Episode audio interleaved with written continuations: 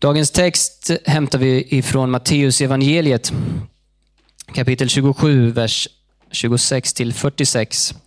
Jag läser från levande bibel. Då släppte Pilatus Barabbas, men Jesus lät han piska och överlämnade honom sedan till de romerska soldaterna för att de skulle föra bort honom och korsfästa honom. Men först tog de honom till kasern, kasernen, där hela vaktstyrkan kallades samman. Där klädde de av honom hans kläder och satte på honom en röd soldatkappa och gjorde en krona av törntaggar som de tryckte fast på hans huvud.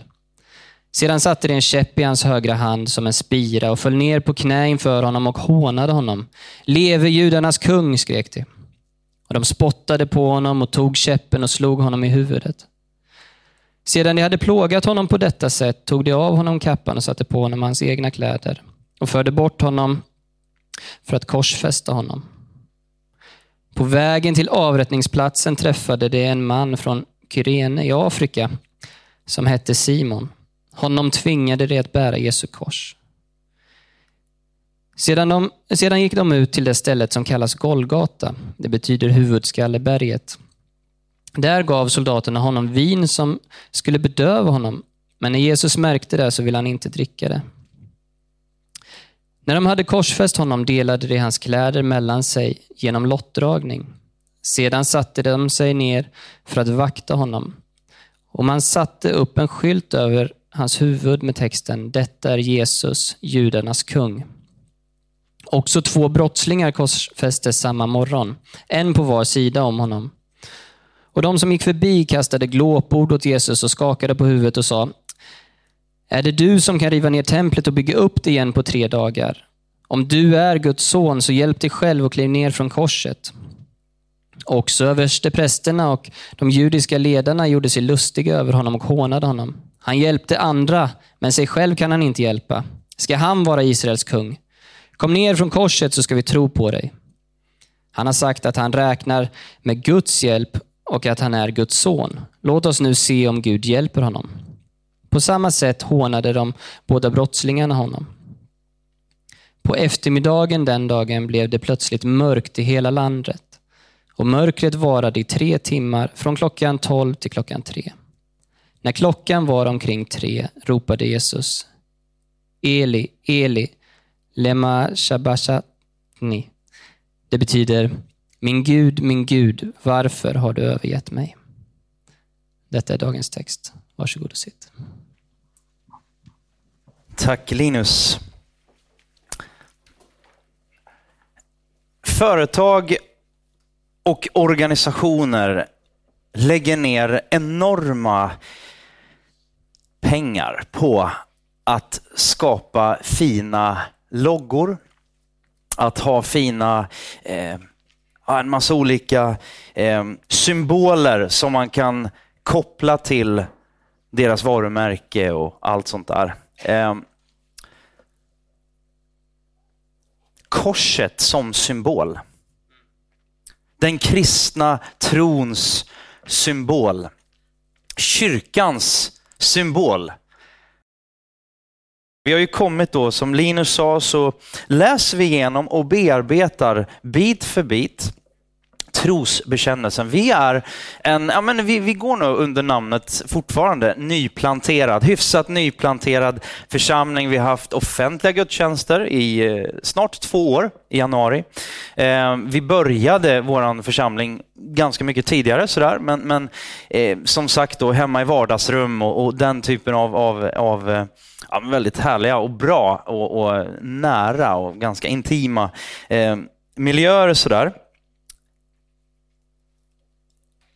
Och jag är väldigt, väldigt tacksam över att det budskap vi har, det är inte ett och ett halvt år gammalt eller två år gammalt eller tre år gammalt, utan det är, ja, grundar sig många, många, många tusen år tillbaka. Och, och Jesus Kristus dog för 2000 år sedan, men han dog inte bara utan uppstod igen. Och, och därför så är vi här idag och har kommit fram till det andra, den andra artikeln av tre då i just trosbekännelsen. Och vi säger då, vi tror på Jesus Kristus, hans enda son, vår Herre, som blev till som människa genom den heliga anden, föddes av jungfrun Maria och så kommer vi till dagens ord här nu då, eller ja, utdrag här nu då.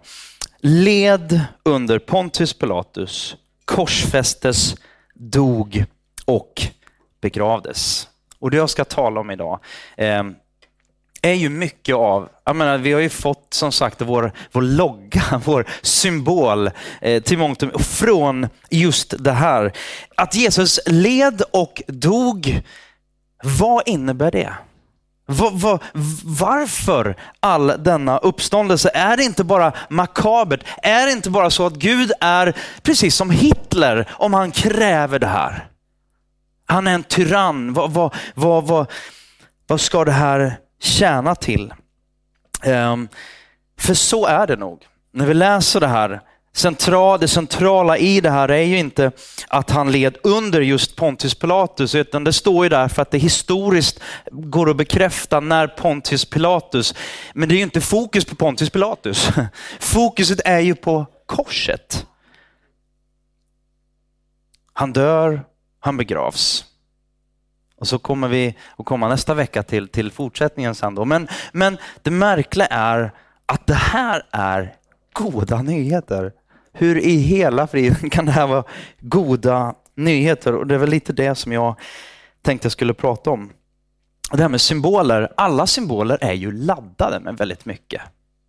Eh, man kan tänka på olika loggor. Jag tänkte på de här kommer ihåg för när det nu, ja, hur många år sedan det nu var, men det var inte så många år sedan. Man laddade in man, kunde, man laddade ner en app på, på sin smartphone, så här, emoticons emotion icons. Liksom. Du får så här smileys. Och, för det, ju mer man textar och när man skriver mail så blir det ändå så här, det blir ganska, alltså du saknar kroppsspråket. Hur många har gjort bort sig och skrivit någonting och det liksom har, har, man har kommunicerat någonting som man inte alls hade tänkt?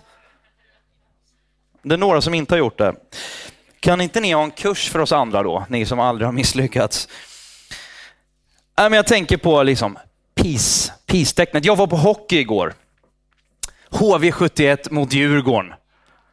Och då, då, jag menar, då, då, de är jättestolta över sina emblem och sina loggor. De, eh, liksom, alltså det är ju, det är ju eh, flaggan, alltså den svenska flaggan. Jag vet inte, när jag låg inne i lumpen så var det så här, lite slentrian och, och det var många som inte kunde eh, svenska eh, nationalsången. Så att, då, då sa jag till vår kapten, så här, men när vi ändå har uppställning, kan, vi inte, kan inte vi, liksom 37 grabbar, kan inte vi dra av nationalsången här på fredag, uppställningen, liksom, innan, innan vi tog helg? Och han bara, bra förslag! Du leder varje fredag.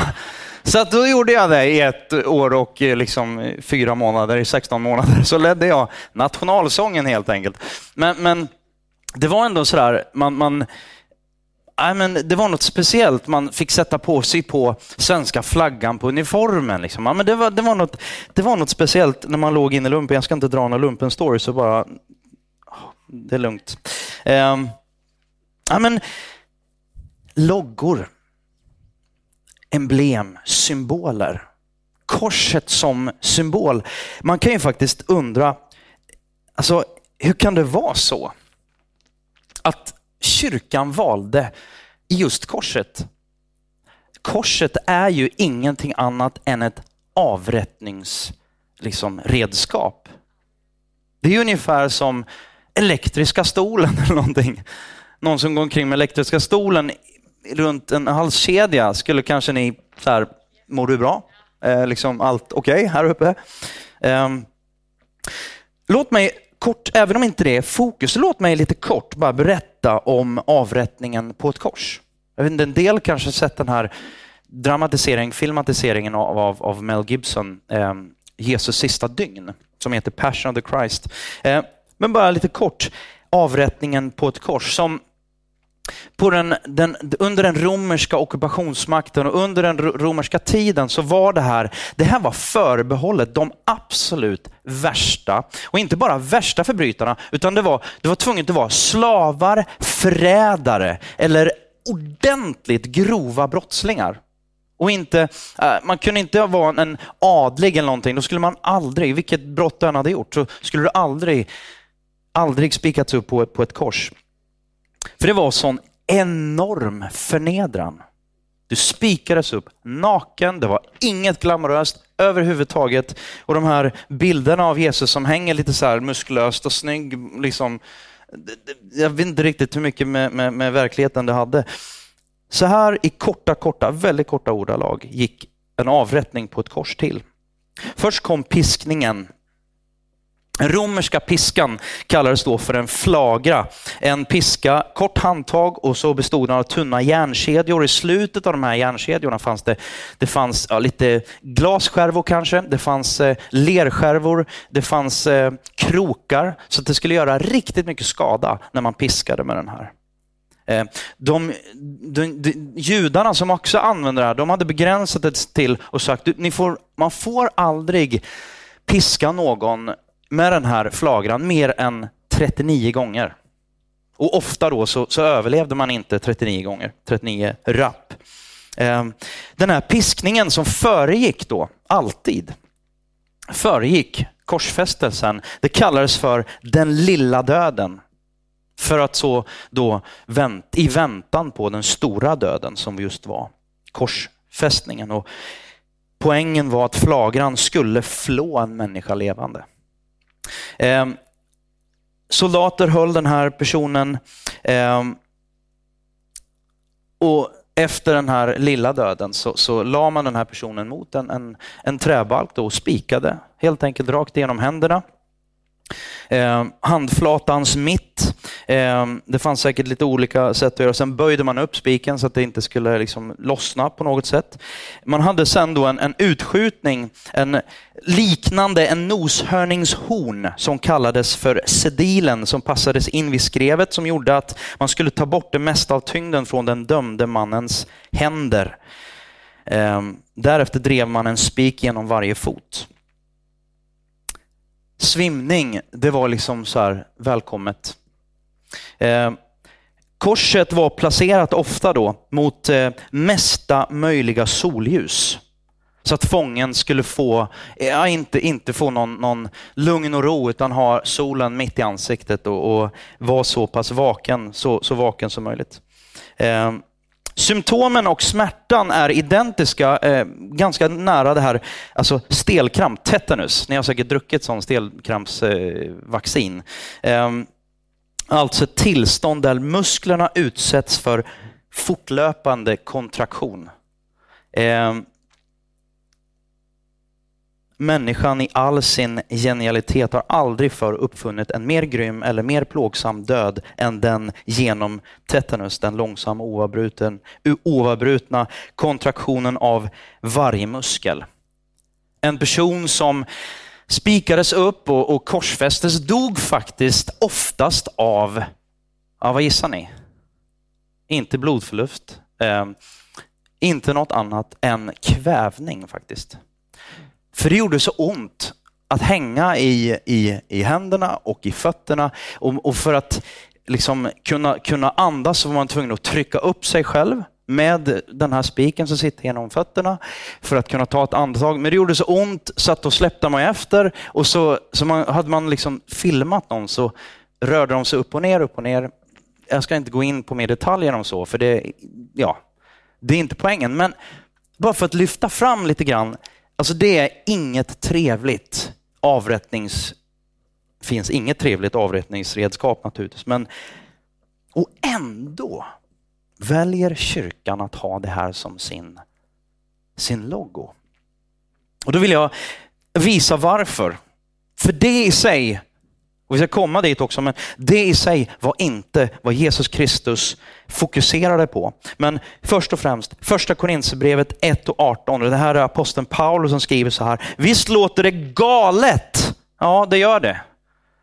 Visst låter det galet för dem som är på väg att gå förlorade när de får höra att Jesus genom att bli avrättad på ett kors kan rädda dem. Men vi som är frälsta, han talar till församlingen i Korint, så därför säger han vi, vi är frälsta och vi är på väg, eh, på rätt väg, upplever Guds mäktiga kraft i det här budskapet. Det redskap som stod för plåga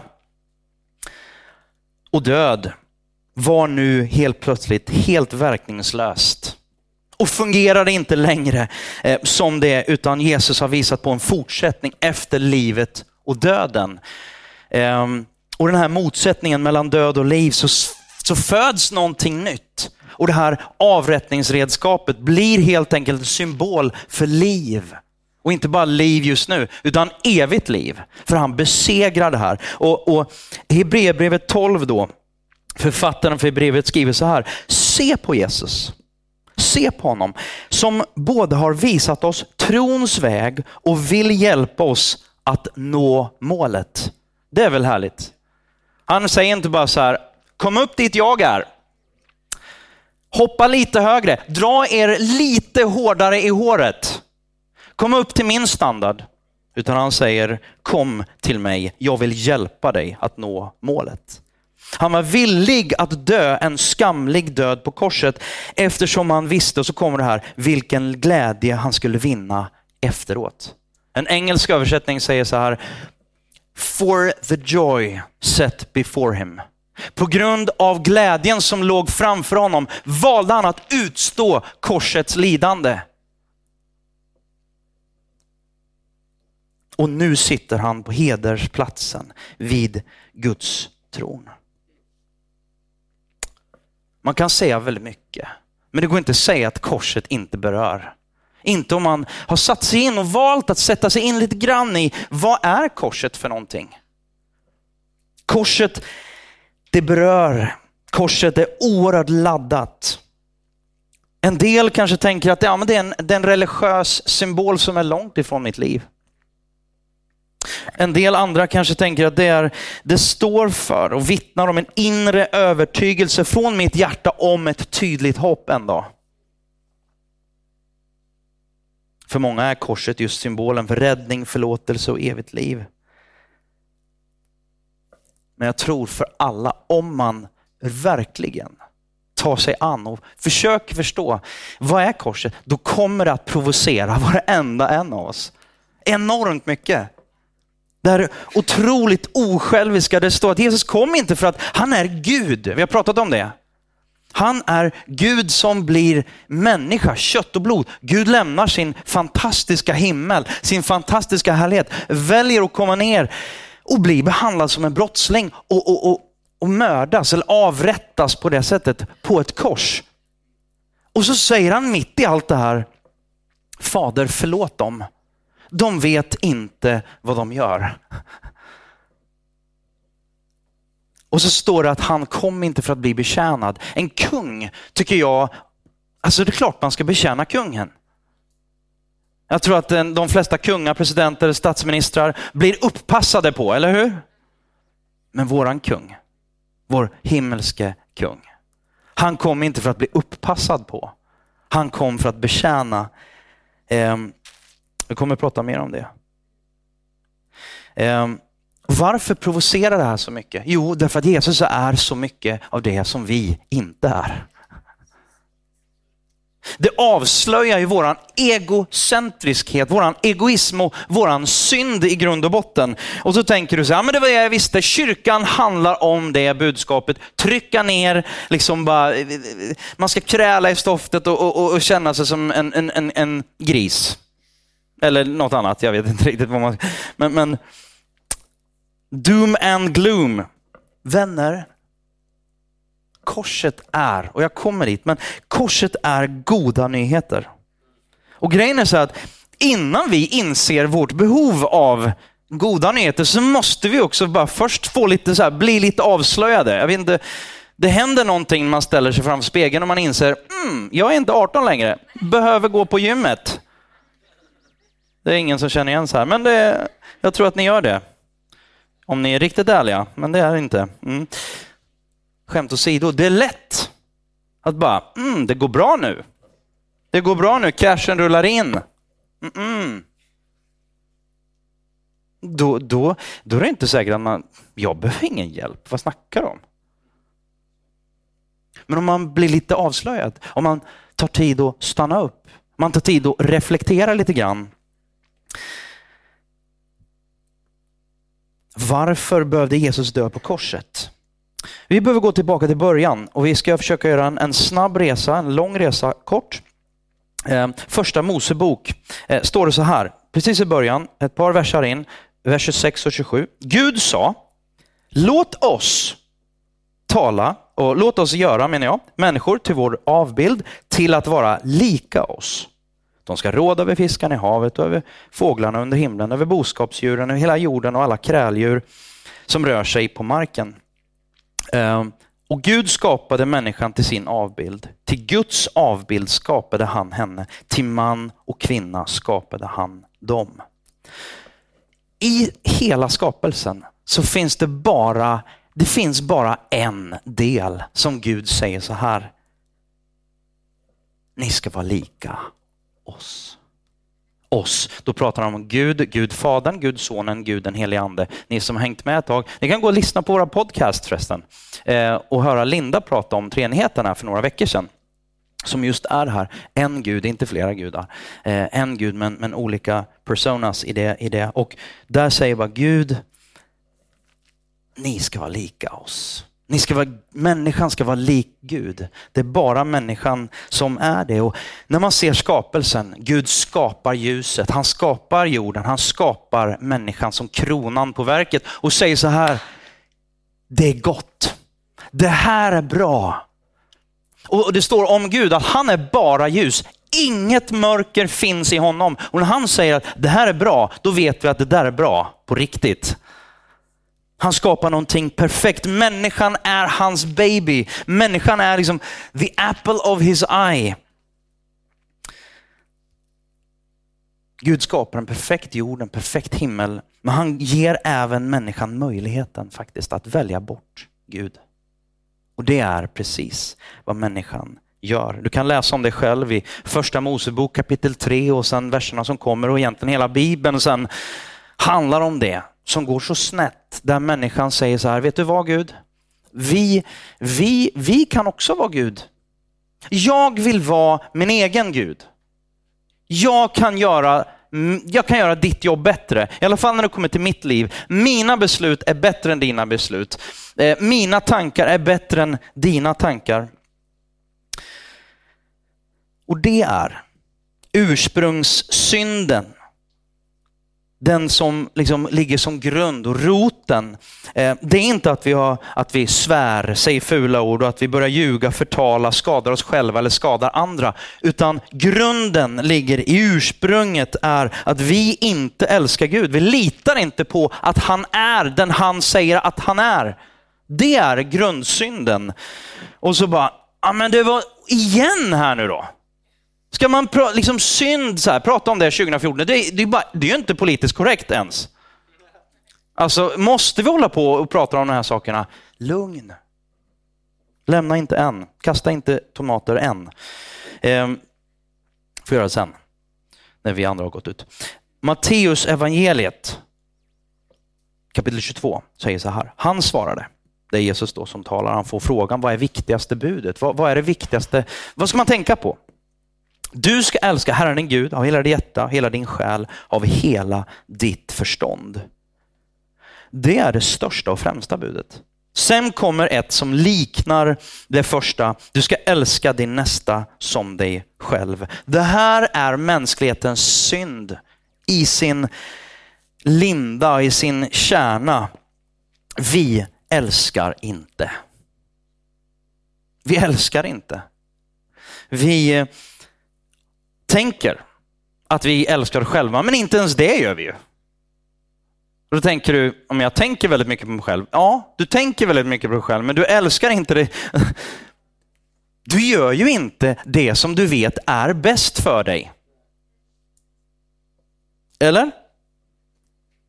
Jag tror att de flesta skulle säga så här, min värsta fiende, det är ingen annan än jag själv.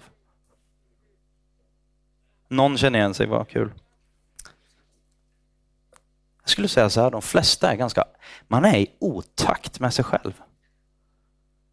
Jag ligger inte alltid steget före. Till och med ofta så ligger jag steget efter. Jag tänker väldigt mycket på mig själv, men jag inser att jag kan inte ens lita på mig själv. Jag kan inte ens lita på min, min, min, min kärlek till mig själv. Och sen titta omkring dig. Hur bra går det för oss? I samhället överhuvudtaget. Det här med att älska sin nästa som sig själv. Jag kan inte, alltså, älska folk jag inte känner. Alltså, börja prata om det här med att älska folk som står mig väldigt nära. Det här som Peter och Anna talade om, det här med att när man får barn så lär man sig att jag inte kommer först längre. Så är det ju. Men det märkliga är att min, min ryggrad säger bara så här, I need to have a comeback. Det finns, det finns saker och ting i mig, absolut, vi sätter barnen först. Men helt plötsligt sitter jag där på första. Det finns liksom en, en, en, en själviskhet och, och, och en inbyggd, jag, jag sätter mig själv först. Jag sätter inte, jag sätter alldeles sällan min familj och jag menar Linda som jag älskar, min hustru. Vi har varit gifta i typ 12 och ett halvt år. Så ofta så misslyckas man och så ofta så, det där jag säger, de, de det, ju, det går inte alltid att hitta i mina gärningar. I det jag gör, det jag säger, hur jag beter mig. Det är ju så märkligt. Jag tror att vi många gånger är ganska otakt, i otakt med oss själva. Ehm, och det här med att älska Gud. Människan väljer bort Gud. Och när människan valde bort Gud, inte bara Adam och Eva, när de valde bort, utan när vi valde bort Gud. Vi väljer bort Gud och jag tror att det sker ganska kontinuerligt. Då står det så här, ett, ett ord här nu då. Människan blev orättfärdig. Orättfärdig, lite så här tekniskt ord. Um, Gud är rättfärdig. Rättfärdig, färdig i rätten. Du är klar. Du, du, du har ingen hängande dom över dig. Om det nu någonsin var någon dom så är den avklarad och du är fri. Kan inte komma tillbaka. Det är att vara rättfärdig. Orättfärdig, du är inte färdig i rätten. Du är, du, du är på väg att åka dit. Det är det läget. Eh, så inför Gud så, så står vi där och vi är, vi, vi finns och vi befinns skyldiga Romarbrevet 3.23, Paulus skriver, alla har syndat och saknar härligheten från Gud. Några eh, exakt tre kapitel senare, 6.23. Ty syndens lön är döden, men Guds gåva är evigt liv i Kristus Jesus vår Herre.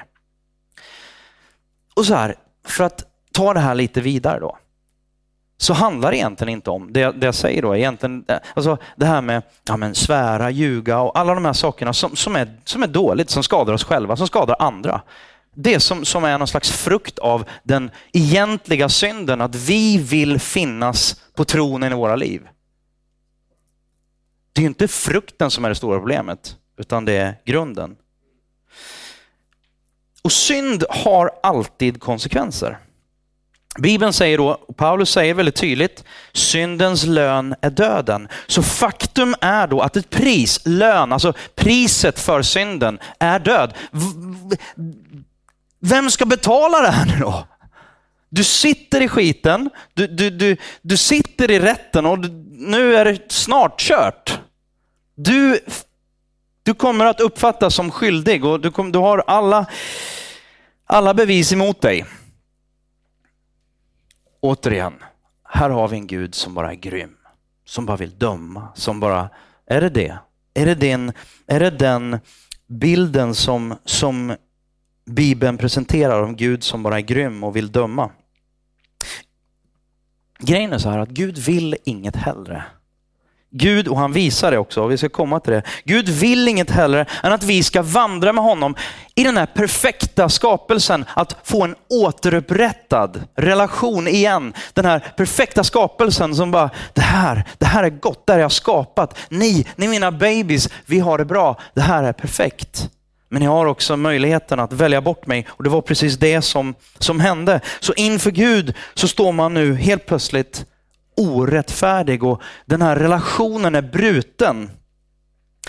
Då behöver det ske två saker för att det ska kunna bli en verklighet med den här försoningen. Eh, kommer till det. Men, men, men eh, det här ordet då, två saker. Vi måste få våra synder förlåtna. Och nummer två, synden och ondskan måste på något sätt utplånas ur vårt system. Någonting, för när vi föds, vi säger så här att du, du, du och jag syndar inte. Eller rättare sagt, eh, vi är inte syndare för att vi syndar. Utan vi går omkring och syndar för att vi är syndare. Ett äppelträd, de, ja, alla äppelträd producerar äpplen förhoppningsvis, annars är det inget bra träd. Och päronträdet, ja, också äpplen, eller? Nej, inte riktigt. Så det finns i oss. Och då tänker jag så här att Gud har i alla fall minst två sätt att åstadkomma det här då. Att få våra synder förlåtna eller liksom göra, göra det här rätt och ställa det till rätta. Antingen skulle han kunna bara låta hela rasket brinna upp och säga vi startar igen. Planeten, jorden, version 2.0. Och så bara, vi tar bort allting. Ehm, eller så måste människans synd betalas på något annat sätt. Och Då kan man säga så här, att det här skapar en enorm konflikt för Gud. Ehm, den gudomliga konflikten, jag ska inte gå jättedjupt i det här, men, men, men Guds rättfärdighet, färdig rätten, eh, kan inte ha någonting med synd att göra. Kräver på det sättet då priset och priset för, för synd är död. Så Guds rättfärdighet, rättfärdighet kräver död, men hans kärlek kräver liv. Och det här, det här, går ju, det här känns ju inte riktigt, det här är inte så bra. Hur löser då Gud den här konflikten? Från början i, i Gamla Testamentet så, så kan man läsa om första Mosebok 3.21 till exempel. Och Herren gav Adam och hans hustru kläder av djurhudar. Så de har syndat, de, de får inte vara kvar i, i Edens lustgård där allting är perfekt och de kan äta av det här det eviga livets träd. Um, utan de måste, de måste lämna, men Gud ser ändå, han tar ändå hand om dem. Han skyler dem, han tar hand om dem och det är ett djur som får sätta livet till. Det blir alltså en, ett, en ställföreträdande död. Så vi kan gå på den, den punkten. En ställföreträdande död och de här djuren får sätta livet till och många felfria djur, det skulle vara felfria djur, de skulle se ut på visst sätt och det skulle inte vara några fläckar på fel ställen och hela kittet. Så jag ska inte gå in så mycket på det, men, men grejen är så här att, att djur fick sätta livet till temporärt, högst temporärt. Och för att bara gå framåt. Var, och hur, hur, ska Gud, hur ska Gud lösa den här konflikten på riktigt? En gång för alla till 100 procent. Det enda sättet är ju att en 100 procent syndfri person frivilligt dör i alla andra ställen. Som betalar priset. Och med tanke på att man föds då av Adam, Alltså från de första människorna Gud skapar och så kommer alla andra utifrån det trädet på det sättet och har en, liksom det här systemfelet med sig, ursprungssynden.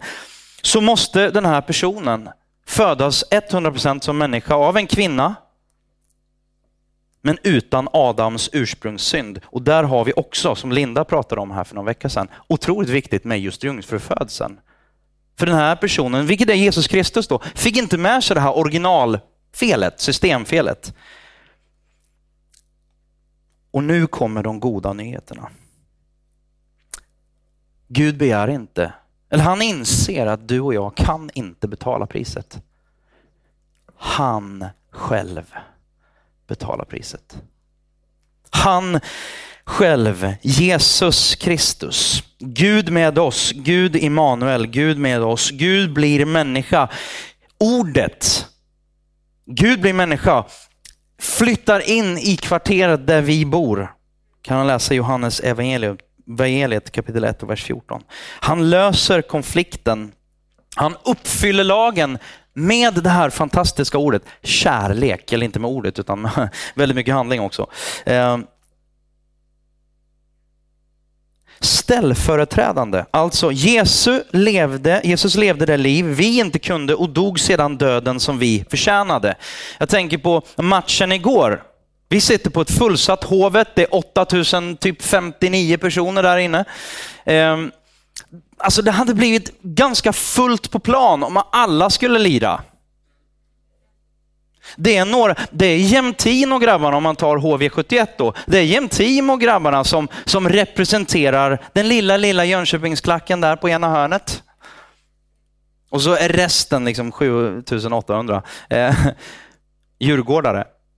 Det hade blivit helt obalans. Tänk 200 eh, HV-killar mot, mot eh, 7800. Det hade blivit väldigt det blivit konstigt. Igår spelade ju Sverige då. Och Zlatan gjorde mål, det hjälpte ju inte riktigt sådär hela vägen. Men han är ju våran ställföreträdare. Han är ju killen som hoppar in och gör mål och vi säger vi vann. Det kan vi inte säga då just med, mot Montenegro, men, men vi vann på grund av vad han har gjort. Han är våran ställföreträdare. Väldigt dålig liknelse kanske, men, men eh, några av er har sett en film, en gammal klassiker. Några killar kommer att säga mm, mm. Den heter Bron över floden Kwai. Någon har hört den här Den kommer från den filmen. Så den, ja. den handlar i alla fall om brittiska soldater som tillfångatas av japanska soldater under andra världskriget. De får sättas i straffarbete, de lägger järnvägsräls och det, det är riktigt tufft. Och vid ett tillfälle där så, så är det en uppställning och vid varje uppställning kontrollerar de antal spadar och de kontrollerar allting så att de inte har gömt undan någonting som de kan använda för att rymma eller något sånt där. Och då vid en av de här uppställningarna så fattas det en spade. Och japanerna kommer fram och frågar vem som har gjort det. Ingen stiger fram. Då hotar de en man eh, och tar fram honom, en ung kille. Tar fram honom och säger, vi, vi dödar den här killen om ni inte säger vem det är och så tar vi nästa. Tills ni, säger, tills ni berättar vem det är. Och precis när de, när de ska ta livet av den här unga killen, för det är ingen som säger någonting. Precis när de ska ta livet av den här unga killen så är det en äldre man, en gammal man, som har varit i det här arbetslägret då, ganska länge. Han stiger fram och säger, det var jag. Och i sitt ursinne så skjuter och avrättar den här japanska officeren. Han, han avrättar honom. Och bara sekunder därefter så kommer en ung japansk soldat och springer och viskar i örat på den här officeren och säger, vi har hittat den sista spaden. Ställföreträdande död. Den här äldre mannen tänkte, jag är gammal, han är ung, låt honom få leva. Enda skillnaden är att i ditt och mitt fall så finns inte spaden. Det är du som har snott spaden. Det är du som förtjänar att dö. Men Jesus säger, ta, ta mig istället. Ta mig. Ställ företrädande död. Matteus evangelium 27, vi läser lite till av det kommer tillbaka till den här texten som vi utgår ifrån. Nu var det sed att landshövdingen varje år släppte ut en judisk fånge fri. En som folket själv valde ut. Det här året satt en väl, eh, verkligt ökänd brottsling i fängelset. Han hette Barabbas. När folkhopen samlades utanför Pilatus hus denna morgon frågade han dem, vem ska släppa fri? Barabbas eller Jesus, er Messias? Hur kan man ställa Guds son bredvid en kille som är upprorsmakare, mördare och tjuv? Och han, upp, han, är, han är uppenbar brottsling. Ställa Jesus bredvid honom och säga så här, vi sätter en av de här fria, välj en av dem. Och vad säger folkmassan? De svarar Barabbas. Sätt Barabbas fri. Jesus, korsfäst honom, korsfäst honom, korsfäst honom. Barabbas går fri och Jesus Kristus står tyst. Varför står han tyst? Därför att Jesus visste att han måste dö för att Barabbas skulle få leva. Jesus älskade även Barabbas. Ty så älskade Gud hela världen. Att han utgav sin enfödde son för att alla som tror på honom ska få evigt liv. Det är det som är priset. Priset för, för, för synd, det, det, det är död. Men priset för korset och det Jesus gjorde, det är liv och det är evigt liv. Jesus behövde bli behandlad som Barabbas så att Barabbas kunde bli behandlad som Jesus. Jesus behövde bli behandlad som Barabbas så att Barabbas kunde bli behandlad som Jesus. Varför finns den här historien med i evangeliet? Jo, tror jag, jag tror att det är därför att det är du och jag som är Barabbas. Det är ingen annan. Jag tycker om det faktum att i den här Passion of the Christ, Mel Gibson, som är troende katolik så vitt jag förstår, i en av de här scenerna, när man bara ser en soldathand som kommer fram och spikar fast ena handen på Jesus när han korsfästs, så är det Mel Gibsons egen hand. För han sa i en intervju, varför, varför gjorde du så? Jo, därför att jag insett att det, det är jag. Det är jag. Det var inte en romersk officerare för 2000 år sedan som spikade fast Jesus på korset. Det var jag. Då tänker jag så här, han har förstått en del kring korset. Och poängen med det, poängen är inte att vi ska gotta oss i massa blodiga grejer och liksom fokusera på det. För det gjorde inte Jesus. Han fokuserar på det som kommer bakom. På grund av den glädje som låg bortom, bakom bortom korset. Därför utstod han korsets lidande. Första Korinthierbrevet 15 och 3 jag meddelar er det allra viktigaste, vad jag själv har tagit emot, säger Paulus, att Kristus dog för våra synder enligt skrifterna. Varför gjorde Gud det här? Varför lät Gud, och inte bara lät, utan Jesus gjorde det frivilligt. Varför gjorde han det? Jo, det är inte en klyscha, utan för att han älskar dig. Jesaja 53, vi har det även i gamla testamentet. Han var genomborrad för våra överträdelsers skull. Slagen för våra missgärningars skull. Straffet var lagt på honom för att vi skulle få frid. Och genom hans sår är vi helade. Hela poängen är försoning, som jag var inne på nyligen. Poängen att vi ska få försonas med vår skapare och Gud vår relation ska kunna bli återupprättad. Det här är goda nyheter. Alltså grejen är så här, att det är Guds son som har dött för dig och mig. Det innebär att du har inte bara lite värde. Du har ett oändligt värde. Om det är en oändlig, oändligt stor person som betalar priset med sitt liv, då blir ju per definition ditt och mitt liv värt oändligt mycket. Romarbrevet återigen då, helt okej okay, hoppas jag att vi tar några bibelord. Vi ska ta avrunda alldeles strax. Ty ingen av oss lever för sig själv och ingen dör för sig själv. Lever vi så lever vi för Herren. Dör vi så dör vi för Herren. Vare sig vi lever eller dör tillhör vi alltså Herren. Ty Kristus har dött och fått liv igen för att han skulle vara Herre över båda, både levande och döda. Samme Paulus fortsätter i Korintierbrevet, första Korintierbrevet 3.23. Men själva tillhör ni Kristus och Kristus tillhör Gud, är Gud. Som avslutning, du och ditt kors.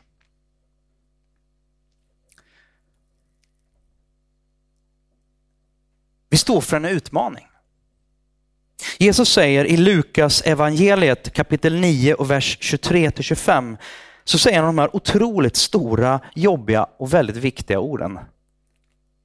Han säger till alla, den som vill följa mig måste säga nej till sina egna önskningar och begär och bära sitt kors varje dag och hålla sig tätt in till mig. Den som förlorar sitt liv för min skull ska vinna det, men den som strävar efter att rädda sitt liv ska förlora det. Och vad tjänar en man på att vinna hela världen om man samtidigt förlorar sitt eget jag? Jag skulle säga så här, det absolut viktigaste i ditt och mitt liv, det är ju vilken respons vi ger på det här som Jesus har gjort. Det, det, det, det är väl logiskt, om man nu väljer att tro på det, vill säga. Men om man väljer att tro på det, och väljer att tro att det är Guds son som har dött för dig och mig för att betala det här priset och göra den här ställföreträdande döden där han säger, pick me. Ta inte honom, han har livet framför sig, ta mig. Då tänker jag att det är logiskt att vår respons blir det här som Jesus talar om. Och Det är så fantastiskt att han säger det här ordet, jag tycker ändå det, att han säger ordet vill. Det finns en så här, det är inget krav. Du måste inte följa. Men om du vill, då måste du. Du behöver inte bli läkare, du behöver inte bli raketforskare. Men om du ska bli raketforskare, då måste du förmodligen plugga lite matte. För att kunna räkna ut vad som händer om tio år. Vad det nu var för något. Du måste inte bli raketforskare, men om du väljer och vill bli det, då måste du, då måste du studera. Du måste inte bli någonting. Men om du vill, då måste du. Make sense? Det här är liksom den kristna, hela, alltså det finns ingen, Gud tar inte liksom något polisgrepp på dig och tvingar dig. Han säger, vill du? Vill du följa mig? Sen kan man prata om en massa andra saker, att Gud han, han är så kärleksfull så han söker upp oss. Det handlar inte om att han bara sitter där borta, jag väntar tills du kommer. Han är initiativtagare än idag. Väldigt, väldigt tydligt. Tänk istället för att förtrösta på dig själv. För att lita på dig själv. Du har lärt dig, det finns ingen jag kan lita på. Jag kan bara lita på mig själv.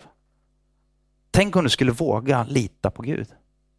Tänk om du skulle våga lita på, kasta dig, alltså vi alla, jag tror att jag var på en föreläsning och det var, var den här veckan och det var, det var jättespännande på många sätt. Och det var så här, du säger att du vill det här, varför gör du det inte? Anledning nummer ett är fruktan.